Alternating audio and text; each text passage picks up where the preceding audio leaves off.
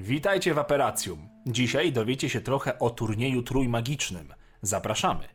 Turniej trójmagiczny został ustanowiony około 700 lat temu jako przyjacielska rywalizacja pomiędzy szkołami czarodziejów, Szkołą Magii i Czarodziejstwa Hogwart, Akademią Magii Beauxbaton oraz Instytutem Durmstrang. Konkurs odbywał się co 5 lat, a gospodarzem była każda uczestnicząca ze szkół na zmianę.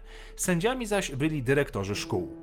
Odbyło się co najmniej 125 edycji turnieju. Hogwart ma 63 zwycięstwa, a Beauxbaton 62. Ze względu na ryzyko związane z pokonaniem niezwykle niebezpiecznych zadań i rosnącą liczbą zgonów, turniej został ostatecznie przerwany w pewnym momencie w latach 90. XVIII wieku. Podjęto wiele prób wskrzeszenia turnieju, ale żadna z nich nie powiodła się aż do roku szkolnego 1994-95, kiedy odbył się on w Hogwarcie.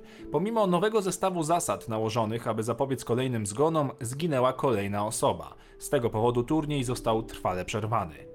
Podczas turnieju trójmagicznego, który odbył się w 1792 roku, jednym z zadań było złapanie kuroliszka, jednak wpadł on w szał i zaatakował trzech sędziów. Wydarzenie to zostało zapisane w książce Historia Hogwartu, wskazując, że turniej z 1792 prawdopodobnie odbył się w Szkole Magii i Czarodziejstwa w Hogwarcie. Jak wspominałem, wskrzeszenie turnieju nastąpiło dopiero w 94. Barty Crouch Senior, szef Departamentu Międzynarodowej Współpracy Czarodziejów w Ministerstwie Magii, wraz z Ludo Bagmanem, szefem Departamentu Magicznych Gier i Sportów, współpracowali z innymi krajami, aby ożywić turniej. Jednak ze względu na niebezpieczny charakter turnieju zdecydowano, że należy wprowadzić pewne zmiany w zasadach, z których główną jest to, że żaden uczeń poniżej 17 roku życia nie może wziąć w nim udziału. Przygotowania do turnieju były owiane tajemnicą, chociaż Corneliusz Knot był zobowiązany do poinformowania mugolskiego premiera, że ministerstwo sprowadzi kilka smoków z Rumunii, a także Sfinksa z Egiptu do użytku w konkursie. A teraz słów parę o zasadach. Każda startująca szkoła może mieć tylko jednego reprezentanta podczas turnieju. Uczniowie, którzy chcą wziąć udział, zapisują swoje imiona oraz szkołę, do której uczęszczają na kawałku pergaminu i wrzucają go do czary ognia. Czara jest bezstronnym sędzią i wybiera tego, kogo uważa za najlepszego ucznia z każdej szkoły. W wyznaczonym czasie czara wrzuca imiona, dzięki czemu każdy wybrany uczeń staje się oficjalnym reprezentantem swojej szkoły.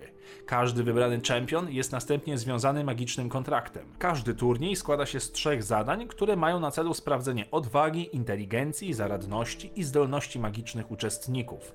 Zadania te są niezwykle niebezpieczne i różnią się co roku. Czempioni otrzymują oceny po każdym z zadań od panelu sędziów. Każdy uczestnik powinien zostać sam podczas turnieju, nie otrzymując żadnej pomocy z zewnątrz od nikogo, w tym od przyjaciół i nauczycieli. Oszukiwanie nie jest mile widziane, choć wiadomo, że miało to miejsce kilka razy w historii turnieju, a niektórzy uważają, że jest to tradycyjna część tego wydarzenia. Bal bożonarodzeniowy, który odbywa się w noc Bożego Narodzenia, również należy do tradycji turnieju. Bal obejmuje ucztę i uroczysty taniec, podczas którego uczestnicy i ich partnerzy prowadzą szkołę goszczącą w tańcu. Uczniowie, którzy są zbyt młodzi, aby uczestniczyć w balu, mogą wziąć w nim udział, jeśli zostaną zaproszeni przez starszego ucznia. Nagrodą za wygranie turnieju tromagicznego było tysiąc galeonów, które wygrał Harry Potter. Zwycięzca oddał jednak nagrodę Fredowi i George'owi. To wszystko, co dla Was przygotowaliśmy. Dajcie znać, o czym chcecie kolejne odcinki i na brodę Merlina dajcie łapkę w górę.